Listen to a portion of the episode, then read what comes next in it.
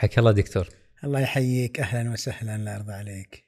آه اليوم إحنا في الحلقة العاشرة والأخيرة من هذا الموسم من بودكاست سكينة ونختم بموضوع محبب إلى النفس وتجربة يعيشها كل إنسان اللي هي تجربة الإنسان مع نفسه كيف يتعرف على نفسه. فممكن نبدأ بأول سؤال اللي هو ليش التعرف على النفس مهم أصلا؟ إي نعم بسم الله الرحمن الرحيم. اللهم صل على محمد. إي والله سبحانه وتعالى يعني سبحان الله مضت الحلقات آه، وأسأل الله تعالى أن تكون تكون مفيدة إن شاء الله للجمهور وللجميع. إي نعم الموضوع اليوم فعلا يعني يعني هذه النفس التي في داخلك آه، وهي أقرب أقرب أقرب الأشياء إليك كيف تفهمها كيف تتعامل معها كيف تعرفها كيف تحسن التعامل معها ويعني الهدف من من من هذه المواضيع عادة في علم النفس هو تحقيق مجموعة من من المكتسبات، الأول أن يكتشف الإنسان نفسه. أن يعرفها، هل هذا يعني إنه في ناس ما يعرفون أنفسهم؟ اي نعم. هناك أناس لا ي... أو إما لا يعرف نفسه أو لا يريد أن يعرف نفسه أو لا يكون صادقا في معرفة نفسه. وسنتكلم ماذا نقصد بمعرفة النفس أصلا، يعني معرفة معرفة قوة النفس وضعفها معرفة آه، علولها آه، عللها وعيوبها محاسنها معرفة مخادعات النفس معرفة آه، صحة النفس أمر مرض النفس. الثاني المستهدف الثاني هو أن بعد أن يعرف نفسه أن يسعى إلى إصلاحها وتحسينها وتطويرها طبعا المصطلحات متداولة في هذا الزمن هي التغيير التطوير التنمية. وإن كانت المصطلحات المستعملة آه، آه، في, في, في التراث أو في, في الثقافة عندنا هي الإصلاح إصلاح النفس تزكية النفس رياضة النفس آه، تهذيب النفس. والمعنى واحد لكن مع اختلاف يعني مع اختلاف استعمال المصطلحات و وسيترتب على هذا مجموعة أشياء. يعني مثلا أصلا يعني كيف تتشكل النفس أصلا؟ يعني كيف تتشكل نفسك على ما على ما هي عليه الآن؟ والموضوع طويل جدا ولا أظن أننا سنحيط به يعني في هذه الليلة لكن لعلنا في هذه الليلة نركز على يعني أبرز أبرز القضايا وأهم المواضيع. إذا قلنا نبي نتعرف على أنفسنا فقد يكون السؤال الأول هو سؤال وش هذه النفس أصلا؟ وكيف تشتغل؟ أيوه ما هي النفس؟ يمكن نرجع خطوة قبلها شوي ما هو الإنسان أصلا؟ ما الإنسان أصلا؟ يعني ما الذي يجعل الإنسان انسانا. ما الذي يكسبه هذه الإنسانية؟ بماذا صار الإنسان انسانا؟ ولقد كرمنا بني آدم. كرمنا كرمهم الله بماذا؟ وهذا السؤال مهم جدا لأنه يترتب عليه أشياء كثيرة مرتبطة ب مرتبطة أصلا بفهمنا إحنا بفهمنا لعلم النفس وفهمنا لوظيفة النفس. لأن فهمنا لأن فهمنا لعلم النفس ووظيفه النفس هو مرتبط أصلا بفهمنا للإنسان. وما الإنسان؟ وبماذا هو مكرم على بقية الكائنات والمخلوقات ومرتبط أيضا بفهمنا للنفس أصلا وما هي النفس وما النفس وما المستهدفات فيها وكيف نتعامل معها إلى آخره. الإنسان بماذا بماذا يعني صار انسانا؟ كلام كثير طويل جدا عند الفلاسفة والمفكرين لكن آه، في المنظور الإسلامي النفس الإنسان صار انسانا بنفخة الروح. فالتكريم هو بهذه النفخة. وهذه النفخة أكسبت الإنسان أشياء ليست موجودة في أي مخلوق آخر. أكسبته القابلية للتكليف التكليف والمسؤولية والمحاسبة. أكسبته الإرادة والاختيار. أكسبته العقل. لكن العقل الذي أكسبته ليس هو العقل المشترك مع الحيوانات العقل الذي الذي يدير به حياته اليومية فالحيوانات تصنع ذلك. لا أكسبه العقل الذي الذي يفكر فيه بالمآلات والخواتيم والمقاصد. وأيضا أكسبته الحس الأخلاقي والجانب الأخلاقي. فالإنسان تحكمه أخلاق تحكمه قيم تحكمه مبادئ. فهذا فبمجموع هذه الأمور صار الإنسان إنسانا. إذا فهمنا هذا سيساعدنا هذا الفهم على أصلا معرفه يعني الهدف من من وجود الإنسان أصلا في هذه الحياة الدنيا وبالتالي ما ما ما يتبع ذلك من فهم النفس أصلا و وكيفية التعامل معها إلى آخره. اذا الإنسان صار انسانا بهذا الأمر. طيب الإنسان هذا الإنسان مما يتكون؟ هل هو من هذا هذه الصورة الظاهرة أمامنا؟ اللحم والجلد والأعضاء على مدار التاريخ كل الثقافات كانت تصنف الإنسان بأنه ثنائي. إنه الإنسان عبارة عن جسد وشيء آخر.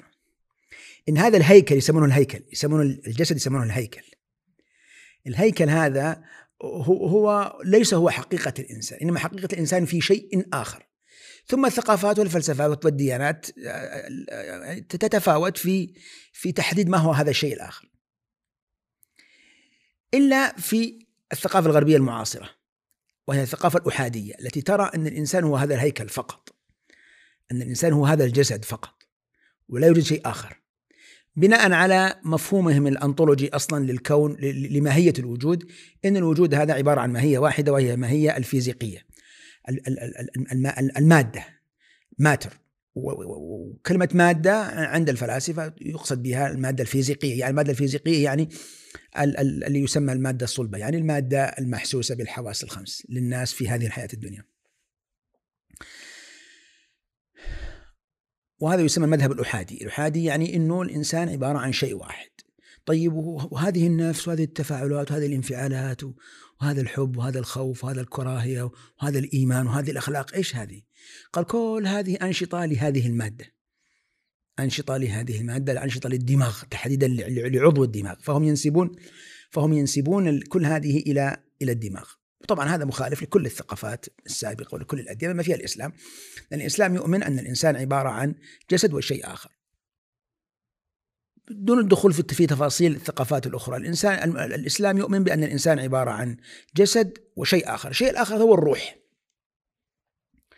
هو الروح، ما هي الروح؟ هذه هي النفخة التي جعلها الله سبحانه وتعالى في هذا الإنسان فحولته من طين إلى كائن حي يتحرك وليس فقط كائن حي يتحرك، كائن حي بالمواصفات اللي ذكرناها قبل قليل التي جعلته إنسانا. لكن هذه الروح أيضا لها مظاهر أخرى أو لها قوى أخرى أو لها صفات أخرى التي هي المصطلحات الثلاث المشهورة النفس والعقل والقلب. فالروح هي المظلة العليا وتحت الروح النفس والعقل والقلب، لماذا أقول هذا؟ لأن النفس والعقل والقلب ليست مخلوقات إضافية غير الروح، الروح مخلوقة مخلوقة ومن من مخلوقة ومحسوسة ومن جسم لكن هذا الجسم ليس من من من جنس الأجسام الفيزيقية إنه من جسم لا نعرف ماهيته لكن النفس والعقل والقلب ليست ليست آه، آه، قسيما للروح ليست أشياء ليست مخلوقات إضافية في, في الإنسان. إنما هي إنما هي صفات أو غرائز أو مظاهر أو تمظهرات أو أجزاء من هذه الروح. فعندنا النفس وعندنا العقل وعندنا القلب. النفس إذا قيل النفس فلها إطلاقان النفس. لها إطلاقات كثيرة لكن ممكن جمع الإطلاقات في إطلاقين. الإطلاق الأول الإطلاقات العامة أن النفس أصلا يطلق بها الإنسان عموما يعني.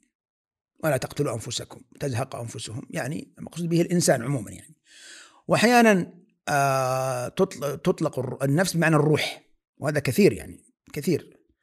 أن النفس تقصد بها الروح. لكن نحن في علم النفس عموما في علم النفس تحديدا إذا قلنا النفس نقصد بها المعنى الثاني للنفس وهو هذا الجزء من الإنسان أو هذا الجزء من الروح أو هذه الصفات من الروح وهذه القوة من الروح التي التي تشمل الجزء المعنوي من الإنسان. وتحديدا الجزء الذي يشتهي فيه الشهوات فيه الرغبات وفيه الإرادات أيضا فيها الحب فيها الكره فيها الرغبة وفيها عدم الرغبة فيها الإقدام وفيها الإحجام. هذه هذا الجزء الذي هذا الجزء الذي الذي آه، آه، هو الذي يحرك الإنسان ويعني وهو الذي يكون فيه الإرادة والشهوة والمحبة والى آخره. و لكن أيضا أيضا هناك هناك العقل مثلا. العقل العقل هو أيضا ليس مخلوقا اضافيا أو جسما اضافيا في في, في الإنسان. لا العلماء من أيام من أيام الصحابة والتابعين كانوا يقولون إن إن العقل غريزة. بينما الفلاسفة الفلاسفة منذ ذلك الوقت كانوا يرون إن العقل كأنه مادة مستقلة يعني كأنه شيء مستقل. إيوه العقل ما هو العقل؟ العقل هو ذلك الجزء آه، من الإنسان أو ذلك الجزء المعنوي من الإنسان الذي يدرك جعل الله فيه هذه القوة المدركة. إذا قيل القوة المدركة يعني القوة التي تدرك المدخلات من من الخارج الذي يسمى الآن الادراك الحسي فهي القوة المدركة والقوة العالمة اللي فيها فيها العلم والمعرفة. فهذا الدرجة الأولى. والدرجة الثانية هي هي أيضا التي فيها الإرادة. فيها فيها التمييز التمييز بين الحق والباطل وبين الخير والشر وبين الصواب والخطأ. ففيها فيها ميزة الميزة الثانية فيها ميزة التمييز. الثالثة في العقل هو ميزة الاختيار أو القصد كما يعبرون عنه أحيانا. القصد أنها أنها هي تختار بين أن تذهب يمينا أو تذهب شمالا. آه، وهذه الصفة موجودة أيضا في في في النفس أيضا لأن النفس أيضا تختار وتشتهي وسنتكلم بعد قليل عن عن عن هذا التفاعل بين النفس وبين النفس والعقل. وهذا الفهم مهم جدا في علم النفس الإسلامي لأنه يساعدنا أصلا في فهم في, في تفسير كثير من الظواهر النفسية بهذه الطريقة، سيتبين هذا معنا إن شاء الله. طيب وين القلب؟ القلب هو هو الوعاء، هو المكان، هو المحل الذي تكون فيه النفس والعقل. هل ولذلك مثلا في حديث في حديث شق شق صدر النبي صلى الله عليه وسلم. آه، وعلى على رأي ابن حجر وغيره من العلماء إنه صار مرتين يعني حصل مرتين هذا. والنبي صلى الله عليه وسلم صغير طفل صغير رضيع يعني أو أو صغير. لا صغير لكن لأنه كان كان يقص القصة فكان صغيرا يعني. إنه شق صدره لاحظ شق صدره وأخرج قلبه ونظفه وحشاه بالحكمة. لو كان الأمر بالدماغ كان شق الرأس وأخرج الدماغ وحشاه بالحكمة. لكن القلب هو المحل. وهذا يعني قول باتفاق الغالبية العظمى من علماء الإسلام. يكاد يكون يعني إجماعا إلا القليل لأن هناك من خالف فيه يعني. لكن هو القول السائد المشهور. حتى أن الشنقيطي آه الإمام الشنقيطي المشهور المفسر المشهور يقول أنه لا يخالف في هذا أحد يعرف الكتاب والسنة. يشدد في هذا يعني. وهذا يعني قول يعني هو القول السائد المشهور إنه القلب هو المحل الأكبر لهذه التفاعلات و طيب الآن ما وجدناه يعني إحنا أصلا ما نعرف الروح فبالتالي مؤكد أننا أننا لن نجده في في في النفس. اذا النفس هذه النفس هذه تطلب منك أشياء وتريد منك أشياء. فهذا الجزء في داخلك الذي يتحدث يتكلم من هو هذا؟ هو إما النفس أو العقل. إما النفس أو العقل. ومعظم معظم الإشكالات تأتي من النفس. بينما العقل هو الموجه. في المنظور الإسلامي ما عندنا شيء اسمه الفكرة السلبية مثلا. لأن ما يسمى بالفكرة السلبية هي فعلا هي فعل النفس وليست فعل العقل. لأن العقل المفترض فيه أنه يوجه. هو الذي يوجه هو الذي يدل على الصواب. فإذا كان هناك من أخطاء طبعا العقل يخطئ في الإدراك لا شك يخطئ في الفهم يخطئ في المعرفة لكن هذه إخطاء فنية إجرائية. ليست ليست من صلب تكوينه أصلا. لكن النفس لا من صلب تكوينها أنها قد تطلب أشياء ليست من صالح الإنسان. قد تفعل أشياء ليست من صالح الإنسان. قد تخاف مثلا النفس من شيء لا ينبغي الخوف منه مثلا. قد تحزن النفس من أشياء قد لا ينبغي الحزن منه قد تقلق النفس من أشياء مستقبلية لا مبرر للقلق منها. العقل المفترض في المنظور الإسلامي أن العقل لا يفعل ذلك. العقل هو الذي يوجه النفس. بينما في المنظور الغربي وهذا أرسطو أرسطو بالمناسبة وغير أرسطو يعني وابن سينا وغيرهم تكلموا من قديم إنه إنه لا يمكن لا يمكن كانوا يعني يردون على مذهب الاحاديه لأنه كان موجودا قبل أرسطو. كانوا يردون على مذهب الاحاديه ذا الذين يقولون ما لا يوجد إلا شيء واحد. قالوا كيف يعني؟ هو نفسه يأمر وينهى يعني يعني الخطأ من العقل والتصحيح من العقل كيف يحصل هذا؟ آه اذا النفس هذه تطلب، هل النفس دائما تطلب أشياء سيئة؟ لا لا وهذا مهم جدا في علم النفس الإسلامي. إن النفس على ما تربيها. النفس على ما تربيها، فالنفس لها لها طلبات، لها إرادات، لها محبات وليست كل طلباتها سيئة. وليست كل طلبات ليست كل طلباتها للجسد فقط. لا أحيانا النفس تطلب أشياء جيدة. وإذا ربيتها أنت وأصلحتها وهذبتها فإن مع الوقت تصبح مساعدة لك. تصبح النفس مطواع لك. وهذا كثير يعني في كلام المتقدمين يقولون أنه جاهدت نفسي كذا سنة حتى انقادت لي. يعني إنه خلاص أصبحت النفس وهذا حتى نلاحظه نحن نلاحظه نحن مثلا في العلاج النفسي إن الواحد قد يكون عنده شيء خوف أو حزن أو قلق أو وسواس. ونحن نرى إن هذا كله من النفس. ومع العلاج النفسي ومع الرياضة نقصد رياضة النفس يعني آه ومع مجاهدة النفس آه لاحظ مصطلح الرياضة. الآن أصبح إذا قيل الرياضة ينصرف الذهن إلى رياضة الجسد. الجسد. بينما أصل مفهوم الرياضة أصلا مفهوم الرياضة أصله هو للنفس وليس للجسد ها. ف جاهدت نفسي حق حتى انقادت لي ينطبق آه، على مرضى الوسواس والقلق والاكتئاب إنه هو جاهد هذه النفس و ويعني أصلحها في في بحسب المنظور الإسلامي. طيب أنت تجاهد نفسك أو تسعى إلى إصلاح ماذا أصلا يعني؟ يعني ما الذي تستهدفه أنت في النفس لتسعى إلى إصلاحه وهذه نقطة مهمة جدا وهي التي تميز المنظور الإسلامي عن غيره من المنظورات إنه أصلا ما هي ما هي المستهدفات أصلا النفسية؟ ما هي المستهدفات النفسية؟ فنحن في المنظور الإسلامي نستهدف خمس مكونات أساسية. نستهدف جانب الإيمان والعبادة. وهذه شرحناها نحن بتوسع في بودكاست البناء النفسي. نحن نستهدف الإيمان والعبادة. جزء مهم جدا في حياتك هذه أن تسعى دائما إلى إصلاح نفسك في جانب الإيمان والعبادة. تسعى إلى إصلاح نفسك في جانب الصفات النفسية الأساسية. تكلمنا عنها وشرحناها مثل يعني الصفات المتعلقة بالصبر الصفات المتعلقة بالرضا وحسن الرضان الصفات المتعلقة بالتفاؤل والرجاء الصفات المتعلقة بالقوة إلى إلى إلى آخره وأيضا تسعى إلى إصلاح نفسك في في, في جانب العلاقات. والبودكاست آه، هو اللي راح واللي قبله عن عن العلاقات ها؟ ف آه، يعني آه، أن تسعى إلى أن تصلح نفسك في العلاقات مع الآخرين. الرابع وبالمناسبة يدخل في الصفات النفسية الانفعالات. تكلمنا عن هذه إنه أن تسعى أيضا إلى إصلاح نفسك في باب الانفعالات. ونحن جعلنا الانفعالات جزء من الصفات النفسية عمدا وقصدا لأننا نريد أن نبين إنه ما ما أسميناه علم نفس الانفعالات. علم النفس الذي يركز فقط على الانفعالات ويرى أنها هي أهم شيء كما سيتبين معنا بعد قليل هو في الحقيقة يعني لا لا يعطي الإنسان التكريم الذي أعطاه الله إياه.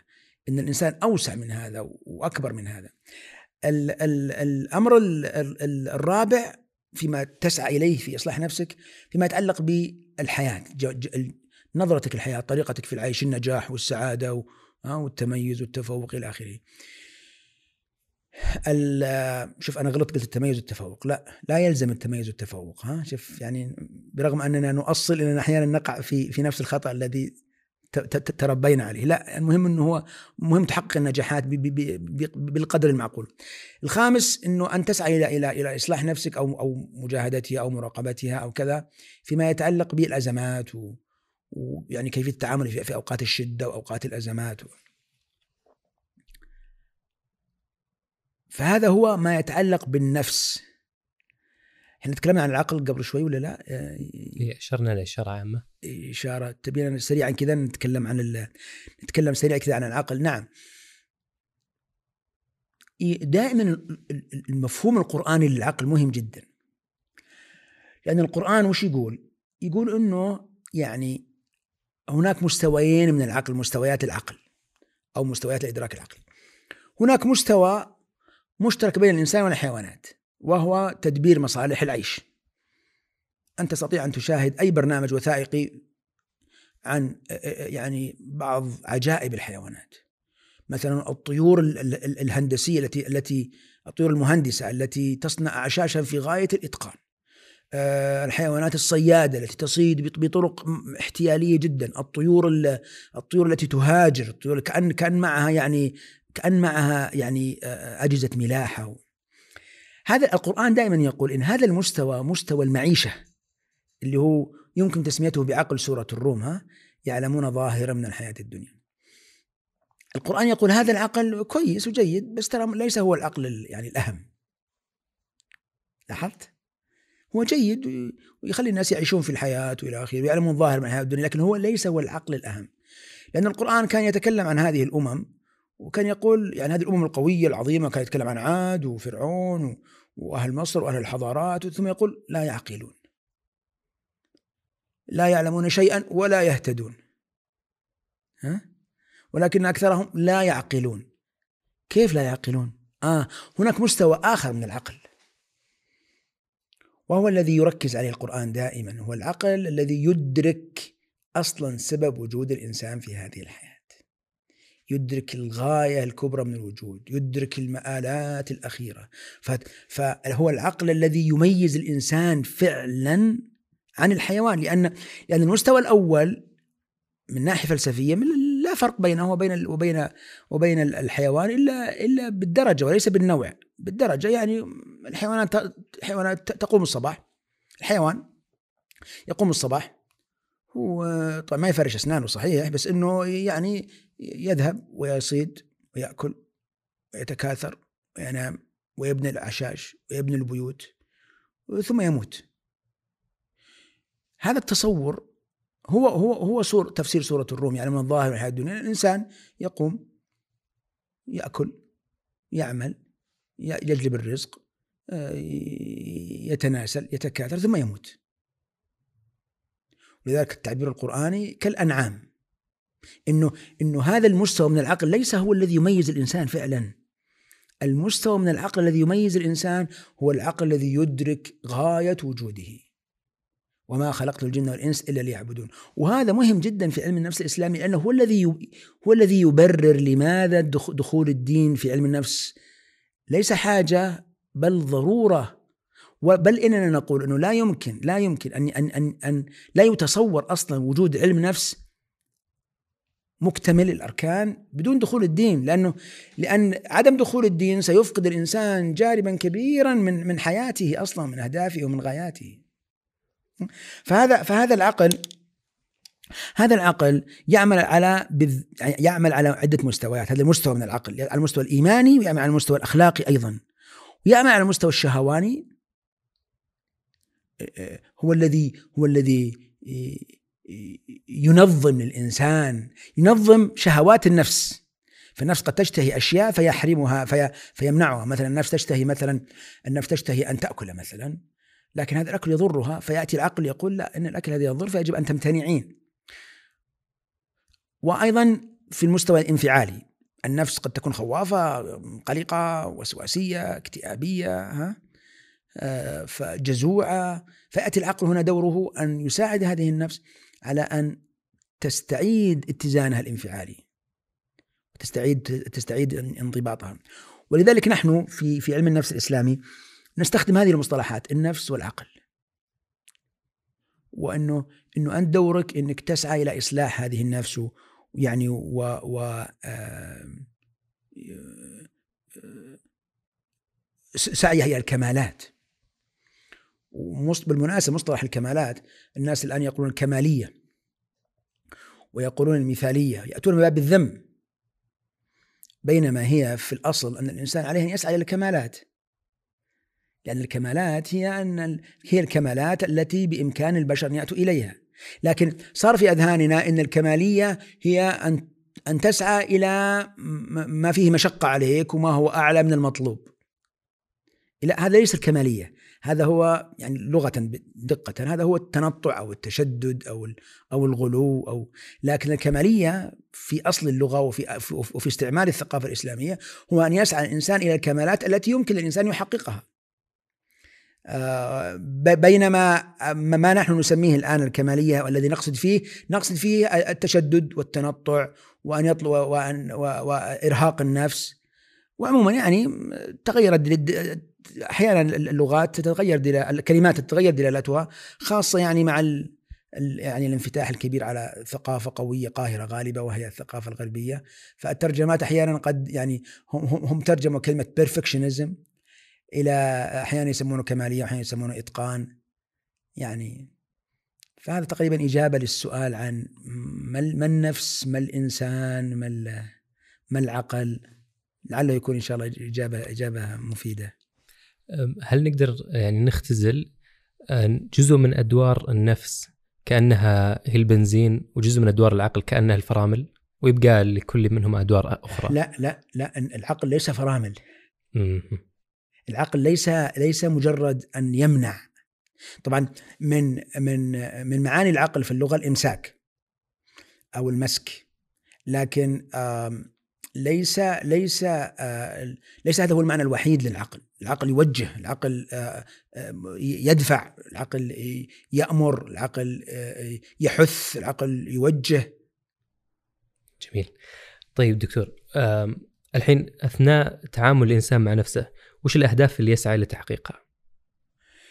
إي نعم إي نعم. يعني هذه النقطة مهمة لأنه هي تبين الفروق الثقافية بين بين الثقافات في فهم النفس أصلا فهم علم النفس ووظيفة علم النفس و يعني آه، آه، آه، إلى آخره. باختصار في المنظور الإسلامي ربنا آتنا في الدنيا حسنة وفي الآخرة حسنة. لا يمكن الفصل لا يمكن الفصل بين الدنيا والآخرة في المنظور الإسلامي. ولم يتضرر علم النفس إلا ما حين إلا حينما أبعد الله سبحانه وتعالى عن علم النفس أبعد الدين عن علم النفس أبعد المنظور الأخروي عن, عن علم النفس أبعدت المصطلحات الإسلامية عن علم النفس فأصبح علم النفس علم ميكانيكي جاف فكرة سلبية تعدلها. لا وعي يعني تظهره إلى إلى السطح أو تتعرف على أنماطه وتعرف سلوكيات تمارسها واحد اثنين ثلاثة أربعة. لا الإنسان ليس كذلك. الإنسان ليس كذلك. الإنسان ربنا آتنا في الدنيا حسنة وفي الآخرة حسنة. وقنا وقنا عذاب النار. ولذلك أنت أين تكثف جهدك في إصلاح نفسك؟ ويعني ما هي الغاية أصلا؟ هي التي ذكرناها قبل قليل في الخماسية هذه. تكلمنا عنها خماسية الخماسية التي التي تظهر فعلا جمالية المنظور النفسي الإسلامي ورحابة الإسلام وسعة الإسلام مقابل ضيق النظريات الاختزالية. فالإسلام يقول إنه أنت أنه أنت يجب أن تنظر إلى الإنسان نظرة شمولية أصلا في البداية. فالإنسان خمس مكونات على الأقل وليس مكونا واحدا. لاحظ عندنا خمس مكونات الإيمان والعبادة والصفات النفسية وجزء من الصفات النفسية الانفعالات. التي هي الآن هي البعبع الكبير يعني علم نفس الانفعالات ها؟ والثالث العلاقات والرابع نظرتك للحياة طريقتك في العيش الخامس تعاملك وقت الأزمات وقت وقت الشدة. وهذا هو أحد الأساسيات الكبرى والمداخل الأساسية في في في في, في علم النفس. ويترتب على ذلك مجموعة أشياء. سأذكر بعضها يعني من غير ترتيب أو أو أو يعني بحسب الأولوية. يعني مثلا الاهتمام بالصفات النفسية مثلا. أن تهتم بالصفات النفسية. والصفات النفسية تشمل مجموعة عناصر منها مثلا الصبر ما يتبع من الصبر الرضا ما يتبع الرضا العقل والحكمة ما يتبع العقل والحكمة القوة وما يتبع القوة ما يتبع الانفعالات أيضا كيف لأن الانفعالات نحن نعتبرها جزء جزء من جزء من الصفات النفسية. و يدخل في هذا أيضا المفهوم مفهوم مهم جدا نكرره كثيرا وهو مفهوم اشتغل على نفسك يعني أحد الغايات الأساسية في التعامل مع النفس هو أن تشتغل على نفسك إنه يعني مشروع النفس هذا أحد المشاريع الأساسية عندك. وهو ليس مشروع مرحلة هو مشروع عمر. ولذلك الشغل على النفس ليس محطة إنما هو طريق. ليس هو محطة أو مرحلة تقف عندها ثم تكمل طريقك لا هو هو هي الطريق هي نفس الطريق. ولذلك الإنسان يعني ترى المتقدمين يستخدمون عبارات في غاية العمق الفلسفي يقولون الإنسان سائر إلى الله. يعني الأصل في الإنسان هو السير والارتحال. وهم أخذوا من حديث النبي صلى الله عليه وسلم إنما أنا كراكب استظل تحت ظل شجرة ثم راح وترك لأنه أصلا ما هو أصلا سائر هو أصلا رايح. وهناك كتب كثيرة تتكلم عن عن الهجرة. نحن مهاجرون أصلا إلى الله. والهجرة تعني هي انتقال من بلد إلى بلد أو من مكان إلى مكان. فكأننا ننتقل كأننا الآن نحن مهاجرون نحن مهاجرون. نحن مهاجرون إلى إلى إلى إلى إلى زمن آآ ولذلك خلال طريقنا هذا يجب أن دائما نتذكر هذا الزمن الآخر. هو الذي يضبط لنا علم النفس هو الذي يضبط لنا النفس تعاملنا معها هو الذي هو الذي يساعدنا كثيرا. هو هذا هذا النظر إلى هذا البعيد إلى هذا الزمن القادم البعيد هو الذي يمدك بالأدوات الكثيرة تساعدك على على أن تسير سيرا حسنا هو الذي يمدك بالتصورات العليا التي التي التي تساعدك على فهم من أنت ولماذا أنت هنا وما, وما قصتك وأين تسعى وأين تذهب هو الذي يساعدك على على على على, على إدارة العلاقات مع الناس بإدخال البعد الديني فالبعد الديني لا يمكن فصله أصلا في المنظور الإسلامي لا يمكن تصور أصلا فصله عن عن عن حياة الإنسان اليومية. وحتى الذين مثلا يعترضون على علم النفس الإسلامي يقولون لا الدين ليس له دخل بعلم النفس يفعلون ذلك تقليدا طبعا للغربيين. هم في حياتهم اليومية لا يفصلون أصلا. هو في حياته اليومية يمارس يمارس علم النفس الإسلامي دون أن يشعر. فهو مثلا حتى في العلاقات حتى لو سأله أحد قال يا أخي خلاص احتسب واتركه. طيب هذا جزء من علم النفس أصلا. لو حصلت له مشكلة قال الحمد على كل حال ولا بأس طهور إن شاء الله. طب هذا هو جزء من علم النفس استعمال المعطيات والمفاهيم والممارسات الدينية في حياتك اليومية. هذا هو علم النفس. هذا هو علم النفس. و ولذلك يعني الشغل على النفس العمل على النفس وتقوية الصفات النفسية فيها ويأتي هنا مصطلح يأتي هنا مصطلح مهم جدا. يعني المتقدمون يستعملون مصطلح تزكية. ومصطلح تزكية النفس آه، أصبح عند الناس مرتبط بالعمل على النفس في الجانب الإيماني. بينما الحقيقة أن مصطلح التزكية تعني تعني أمرين. تعني التطهير وتعني النماء النمو. فالتزكية والزكاة والزكاة كل هذه المفاهيم متقاربة. الزكاة والتزكية والزكاة فهي تطهير ونمو. وهو المصطلح المشهور التحلية والتخلية. بمعنى آخر هو التزكية هي في حقيقتها أو في تعبيرها النفسي هي آه، طريقة لاكتساب الصفات الحسنة واجتناب الصفات السيئة. في كل مجالات الحياة الإنسانية ليس في الدين فقط، الجانب الديني أساسي الجانب الأخلاقي، جانب العلاقات، جانب فهمك لنفسك، فالتزكية هي هي هي التعبير الإسلامي عن الطريقة التي يتعامل فيها الإنسان مع نفسه. وكون الناس الآن في هذا الزمن أصبحت أصبح مصطلح التزكية عندهم مرتبطا بالجانب الديني فقط هو هو قصور في فهم المصطلح. هو قصور فهم المصطلح لأن التزكية هي أن يبذل الإنسان جهدا منهجيا مستمرا في إصلاح نفسه وتحسينها في الجوانب المتعددة في الجوانب المتعددة الدينية والنفسية والحياتية والعلاقات والأزمات و وغير وغير ذلك. أيضا من من من الأهداف المهمة جدا هو حسن إدارة النفس. وبالذات ما يتعلق بضبط النفس.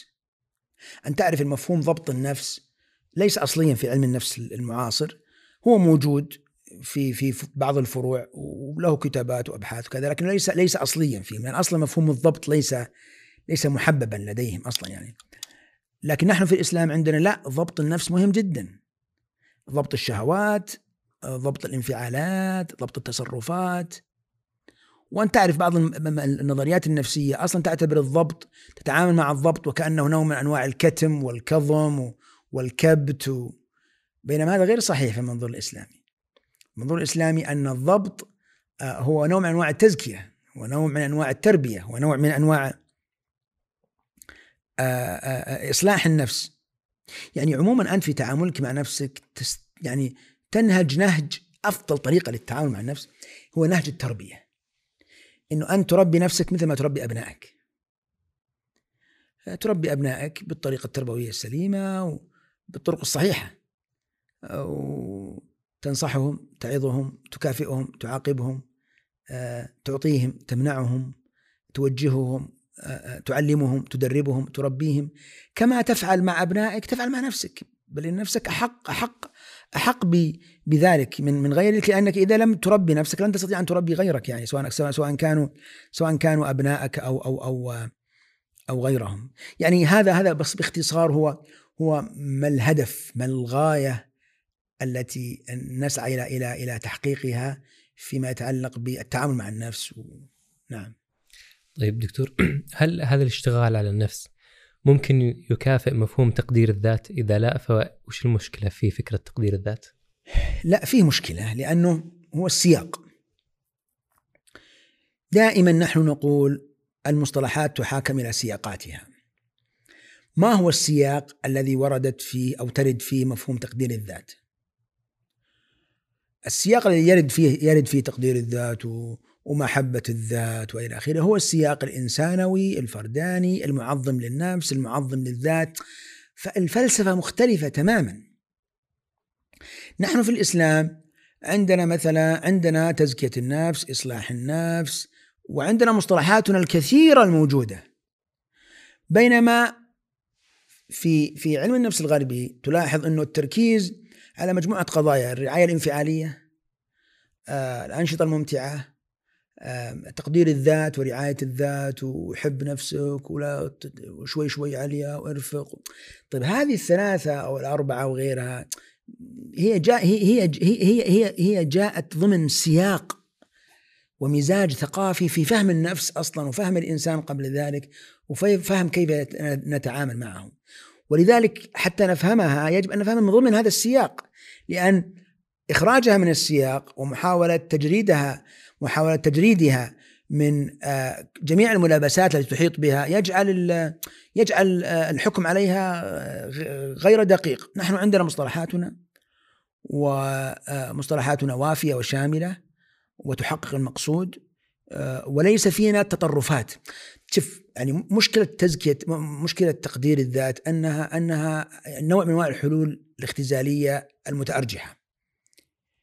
إنه هو اعتراض على الكنيسة. الكنيسة تقول اقتل نفسك وما أدري إيش واضرب نفسك وإذا ضربك على كفك الأيمن أدر له كفك الأيسر. فهم مباشرة انقلبوا إلى الجهة البعيدة لا أنه الحل إذا هو في تقدير النفس وحب نفسك. طب ليش هذا التأرجح؟ ليش هذا التطرف؟ نحن في المنظور الإسلامي عندنا التعامل مع النفس.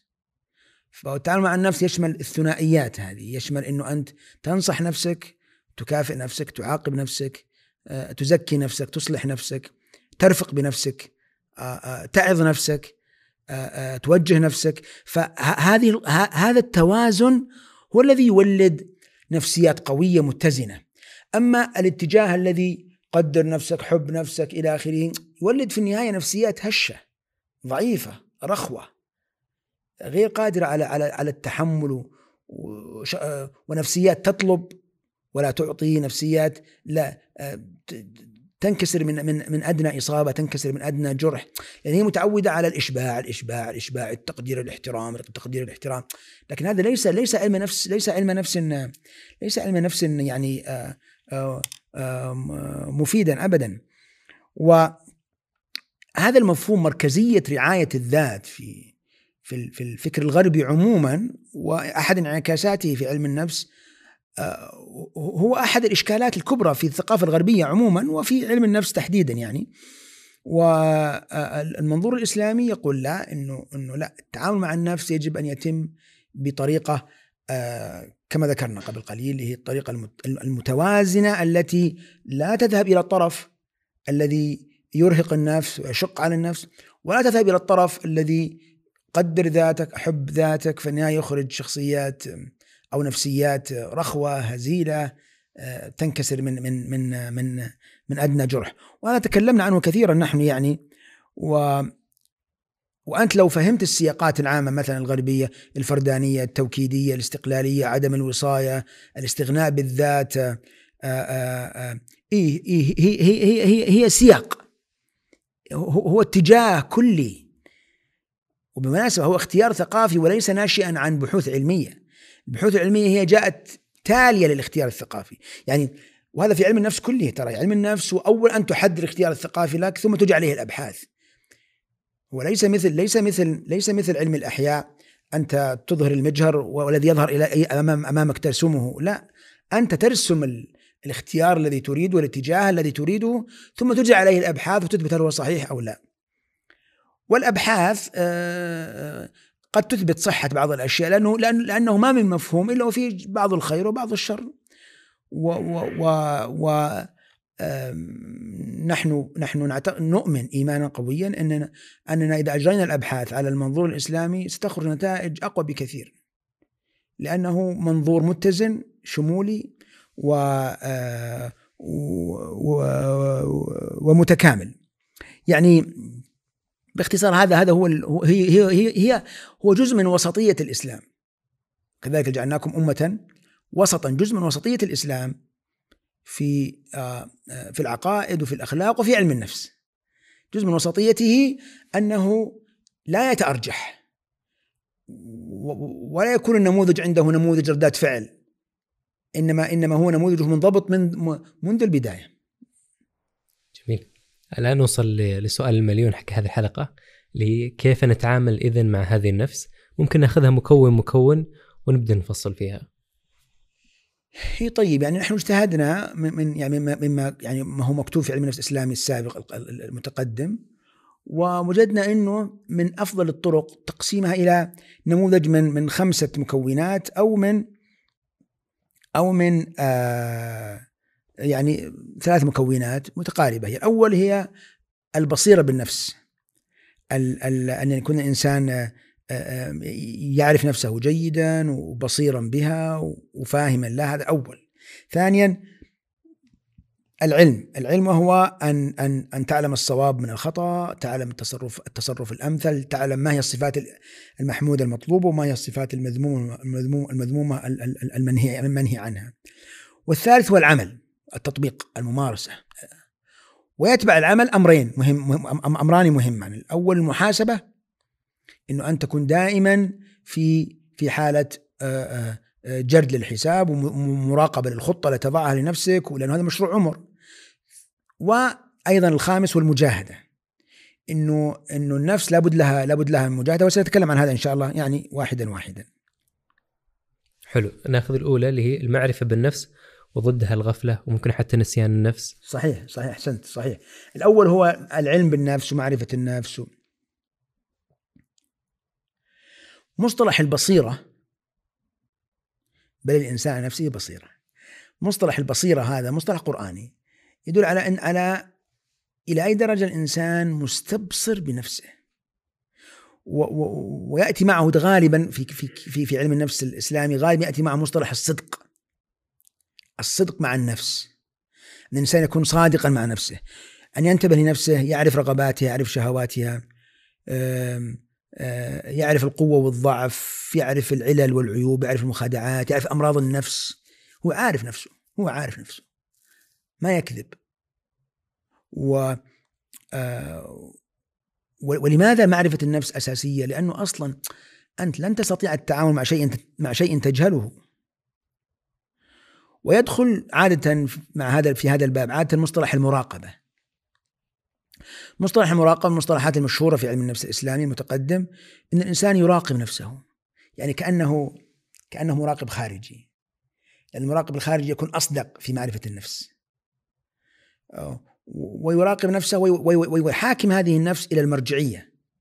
ولذلك أيضا مرة أخرى لا يمكن أن أن يوجد علم نفس بدون مرجعية أصلا يعني.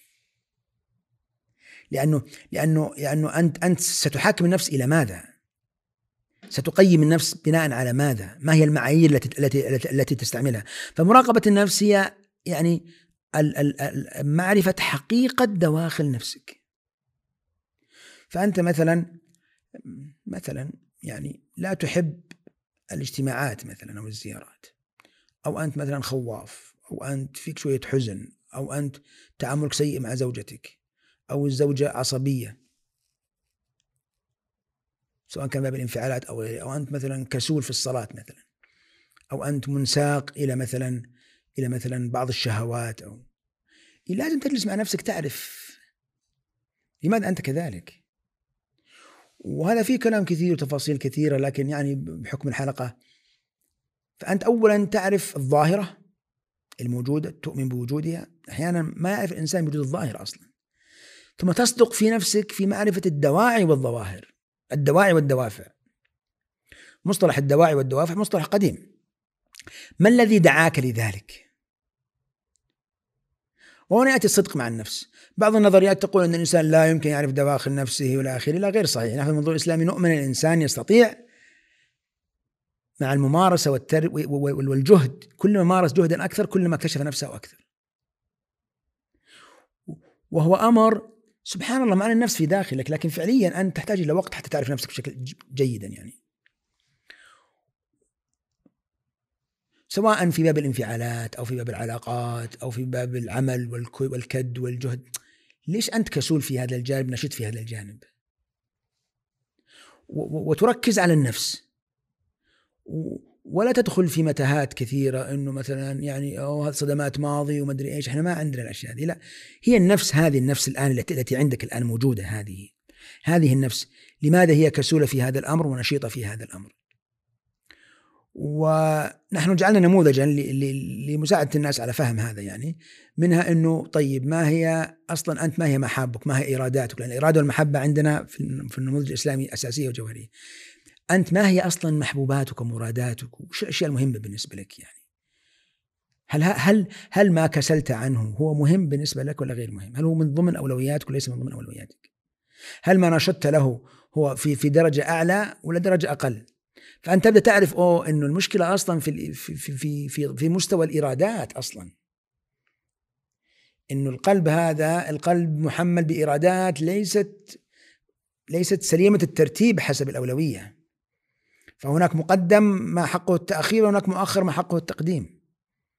فتعرف أو مثلا في العلاقات إنه انت تعرف إنه أنت والله نفسك شوي يعني مثلا نفسك تحب تحب المديح أكثر من اللازم مثلا. تحب المديح أكثر من فأنت تنتبه إلى هذا في نفسك تجاهدها في ذلك تروضها على ذلك. إنه أنت مثلا تغضب وتزعل نفسك آه، يعني الناس يقولون حساسة ها؟ نفسك يعني آه، تنزعج من من آه، الكلام الآخرين وسب الآخرين وشتم الآخرين والى آخره. طيب لماذا النفس تفعل ذلك؟ لماذا لماذا تفعل النفس ذلك وأن تبدأ تلاحظ عليها وتشتغل؟ وبالمناسبة لا يلزم دائما أن تعرف الأسباب بدقة. المهم أنك تشتغل على النفس تعدلها. مهم هو التعديل. إن عرفت الأسباب والدواعي هذا أمر حسن. إن لم تعرف يعني ترى لا يلزم. يعني هذا مهم جدا حتى لأن الناس يتضايقون لماذا لماذا. أحيانا قد قد لا تستطيع أن تعرف. مصطلح البصيرة آه يعني متداول عند عند يعني في في اللغة المعاصرة الان يستخدمون الوعي. الوعي يقولون الوعي هو يعني الوعي بالذات الوعي له إطلاقات كثيرة رفع الوعي المجتمعي يعني يقصدون به الثقافة والعلم يعني. ثم يقولون وعي الإنسان بنفسه يعني يقصدون يعني فهمه فهمه لنفسه. لكن في اللغة لا هذا استعمال خاطئ لكلمة وعي. لأن كلمة وعي لا تأتي بهذا المعنى وما ودنا يعني نتوسع نتوسع فيها. طيب ماذا تعرف عن نفسك؟ تعرف عدة أشياء. واحد طبيعتك أصلا أنت تكون عارف. ما هي الصفات الحسنة فيك وما هي الصفات السيئة فيك؟ بمعنى لو جاء أحد قال لك يلا أعطني الصفات الحسنة فيك أعطني الصفات السيئة ما تقعد ساعة تفكر. يمكن ما تطلع لك إلا جملتين ثلاث جمل لا تصير عارف نفسك. والله أنا عندي هذه الصفات الجيدة فيني وهذه الصفات اللي أنا شغال عليها. يمكن لو سئل بعض الناس عن أوصاف سيارته كتب أكثر مما سيكتب لو سئل عن نفسه الله يعني يفتح عليك. وما يحب وما يكره. لو يعني تشبيه لطيف. إن الإنسان قد قد يعرف أوصاف السيارة وأوصاف البناء وأوصاف البيت وأوصاف الأجهزة أكثر ما يعرف عن عن, عن ما يعرف عن نفسه. وسيأتي هذا بعد قليل إنه بعض الناس لا يحب أصلا يدخل يخاف يدخل سأذكر بعض الأمثلة على ذلك. أيضا تعرف المزايا التي أعطاك الله إياها النعم التي أعطاك الله إياها. تعرف عيوبك وأخطائك تكون مستبصرا بها نحن في علم النفس الإسلامي ما يعني ما نخاف إنه نقول عيوب وأخطاء إلا النفس فيها عيوب وأخطاء ما نخاف حنا من جرح مشاعر النفس. لا بالعكس هذا من صالح النفس. هذا هو الذي هو الذي يخرج نفوسا قوية نفوسا قادرة على فهم أن لها لها عيوب تسعى إلى إصلاحها. وليست نفوسا لا تحب أن تسمع مثل هذا الكلام ولا تحب أن ولذلك مثلا في بعض المدارس يقولون المهم اكتشف إمكاناتك البوتنشلز اكتشف إمكاناتك وقدراتك طيب واكتشف أيضا عيوبك وأخطائك واسعى إلى إصلاحها. لاحظت الفرق بين مزاجين ثقافيين مختلفين في التعامل مع النفس وفي وفي وفي, وفي, وفي فهم النفس. هذا لا يعني إنك ما ما تبحث عن البوتنشلز ما تبحث عن عن الإمكانات لا تبحث عنها لكن دائما في المنظور الإسلامي ابحث عن عن عن الشيء و وما يقابله. معرفة رقم أربعة في, في النفس معرفة الأسباب والدواعي والبواعث. تكلم تكلم عنه قبل قليل لماذا فعلت هذا؟ لماذا تضايقت من هذا؟ لماذا الأمر صعب عليك؟ ليش مثلا صلاة الفجر صعب عليك؟ ليش مثلا مسامحة الناس إذا غلطوا عليك صعب عليك؟ ليش أنت عند الإشارة تعصب؟ ليش أنت مثلا مع زملائك آه، الكشرة متر وعند عيالك بوزك متر ليش؟ هذه مفهومه مفهومة عند الناس الكشرة متر يعني إنك مبتسم وموسع صدرك والبوز كذا معصب وحالتك حالة مع أولادك ليش ليش وكلما كان كان الإنسان آه، أكثر مراقبة لنفسه مع الصدق كان أسهل عليه أنه يعد بنفسه وينميها ويعني آه، آه، يطورها. ويدخل في ذلك معرفة معرفة الخفايا المحركة أو المحركات الخفية. قد قد يكون لك رغبات طلبات مكبوتات مواقف. تجعلك مثلا تتصرف بهذا التصرف. أن تعرف تكتشف هذا. وهذا الكلام اللي قلته في السطر هذا فيه تفاصيل كثيرة. إلى أي درجة أن تغوص؟ يمكن إذا جت مناسبة تكلمنا عنها. إلى أي درجة أن تغوص في نفسك؟ إلى أي درجة ترجع إلى الماضي؟ يعني هذه نقاط مهمة جدا في في في التعامل مع النفس أيضا. لكن في نقطة مهمة هنا. مهم جدا يعني التعامل مع النفس لا يكون بالوسوسة والتفتيش والتنبيش. والارتياب والشك والتأويل السلبي. والارتياب والشك والتأويلات السلبية. لا هو هو أن تكون يعني أبا رحيما آه، حكيما حازما. شفت لاحظت؟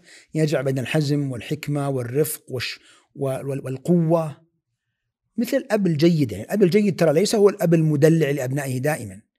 إنما الأب الجيد هو الأب الذي يجمع ما بين الرحمة والقوة وما بين اللطف واللين من جهة وما بين الحزم والانضباط من جهة يجمع ما بين اللطف والابتسام والبشاشة من جهة يجمع ما بين الجدية من جهة. هذا القد هذا الأب هو الأب الناجح والأم الناجحة أو أو المربي الناجح عموما. هذا كله سيساعدك في النهاية إلى معرفة الخلل. أين يكمن الخلل؟ قد يكون الخلل بسيطا جزئيا كبيرا قد يكون شرخا عميقا في النفس قد يكون ضعفا كبيرا في النفس. قد يكون ضعفا مقبولا من ضمن الضعف المعتاد عند البشر. لأنه لا يوجد إنسان بلغ درجة بلغ درجة الكمال المطلق إلا الأنبياء. الذي مستوى العصمة هو المستوى الذي لا يصله إلا الأنبياء. أما البشر فهم يسعون إلى الكمالات لكن ليس كلهم يصل إليها كلها. يعني مثلا أبو بكر رضي الله عنه من الناس الذين وصلوا إلى الكمالات. لكن كم في الأمة مثل أبي بكر؟ ما في. حتى الصحابة أنفسهم حتى العشرة المبشرين بالجنة كبار الصحابة ليسوا على مستوى واحد.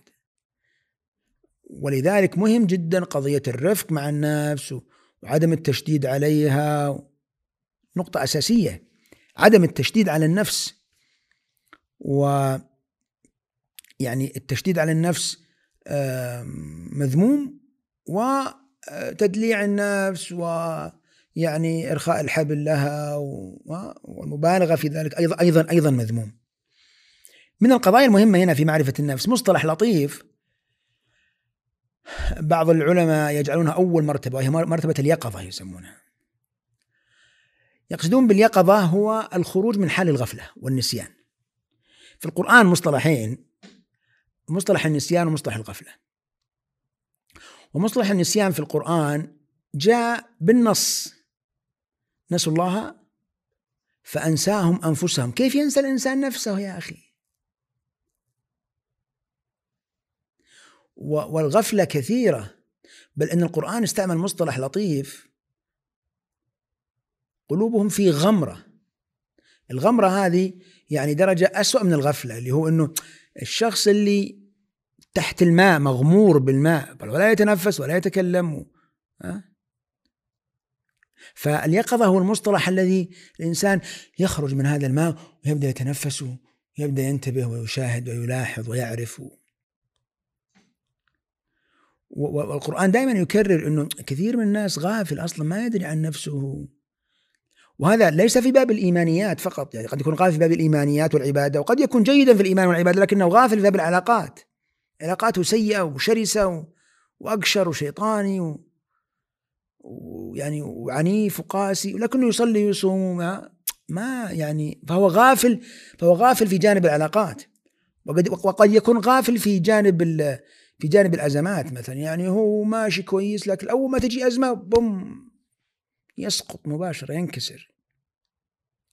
وقد يكون غافل أو ناسي نفسه في باب في باب القوة قد يكون ناسي نفسه في باب الانفعالات قد يكون ناس ناسي نفسه فنسيان النفس أو الغفلة في مفهوم علم النفس الإسلامي. هو هو مصطلح يطلق على الإنسان الذي قد يكون عنده مناطق معينة في نفسه فيها تقصير واضح وهو أصلا يعني لاهي عنها وغافل عنها وغير منتبه لها. قد تكون هذه قد تكون هذه شيء في العلاقات قد يكون شيء في الإيمان وليس فقط الغفل ليس ليست فقط في ليست فقط في الإيمان. آه، في الإيمان والعبادة.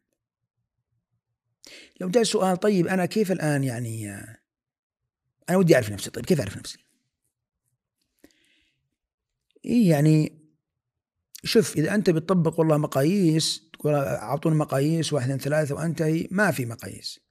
اختبارات شخصية اختبارات شخصية ما في ما في عفوا أعيد العبارة بشكل أدق ما في مقاييس قادرة على أن تقيس كل شيء كل مقياس وهذا معروف في علم المقاييس في السايكومتري معروف إنه المقاييس كل مقياس يقيس ما صمم له في البيئة التي صممت له في في الثقافة التي صممت له إلى آخره.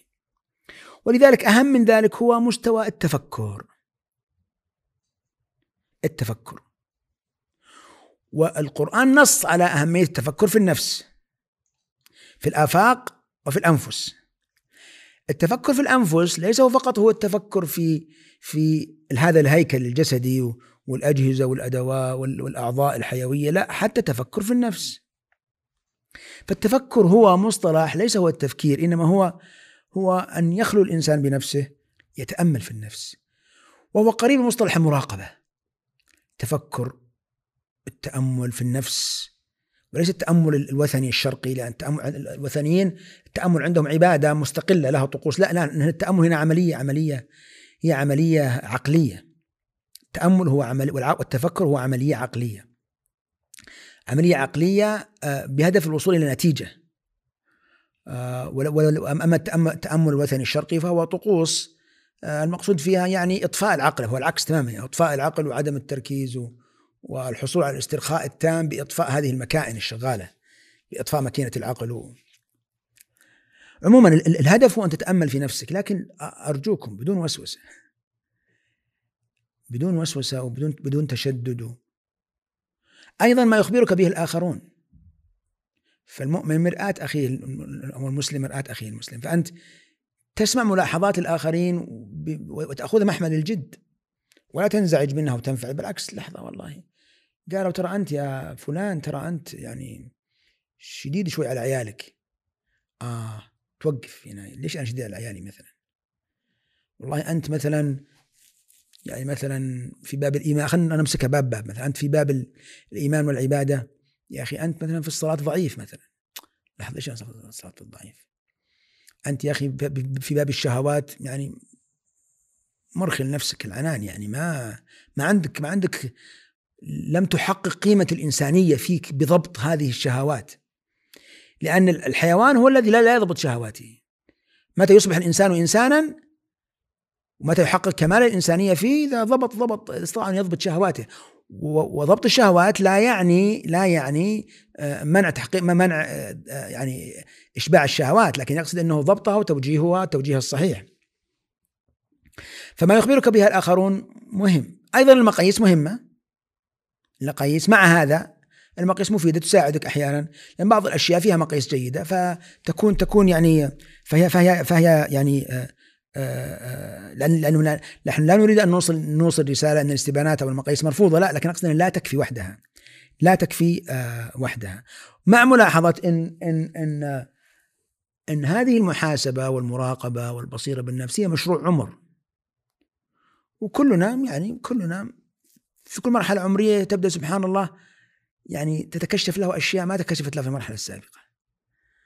وأيضا استثمار المواقف استثمار المواقف اللي تحصل التفكر في المواقف الاعتبار مصطلح الاعتبار. مصطلح الاعتبار إنه يحصل مواقف معينة أحداث معينة فهذه المواقف تساعدك على التوقف ومراجعه ومراجعات النفس و, مثلا مثلا أنت كنت عند الإشارة وعصبت على السائق الذي بجانبك. هذا موقف يجب أن تعتبر منه. تعتبر يعني تأخذ العبرة تأخذ الدروس منه. فتجلس مع نفسك لحظة أنا ليش كذا؟ ما الأسباب؟ ما الدواعي؟ ما العلاج؟ ما الحلول؟ مع الرفق بالنفس والنصح لها و والصدق الصدق الصدق معها. هنا يمكن تجي مسألة إلى أي درجة تغوص في نفسك. وهذه مسألة قديمة.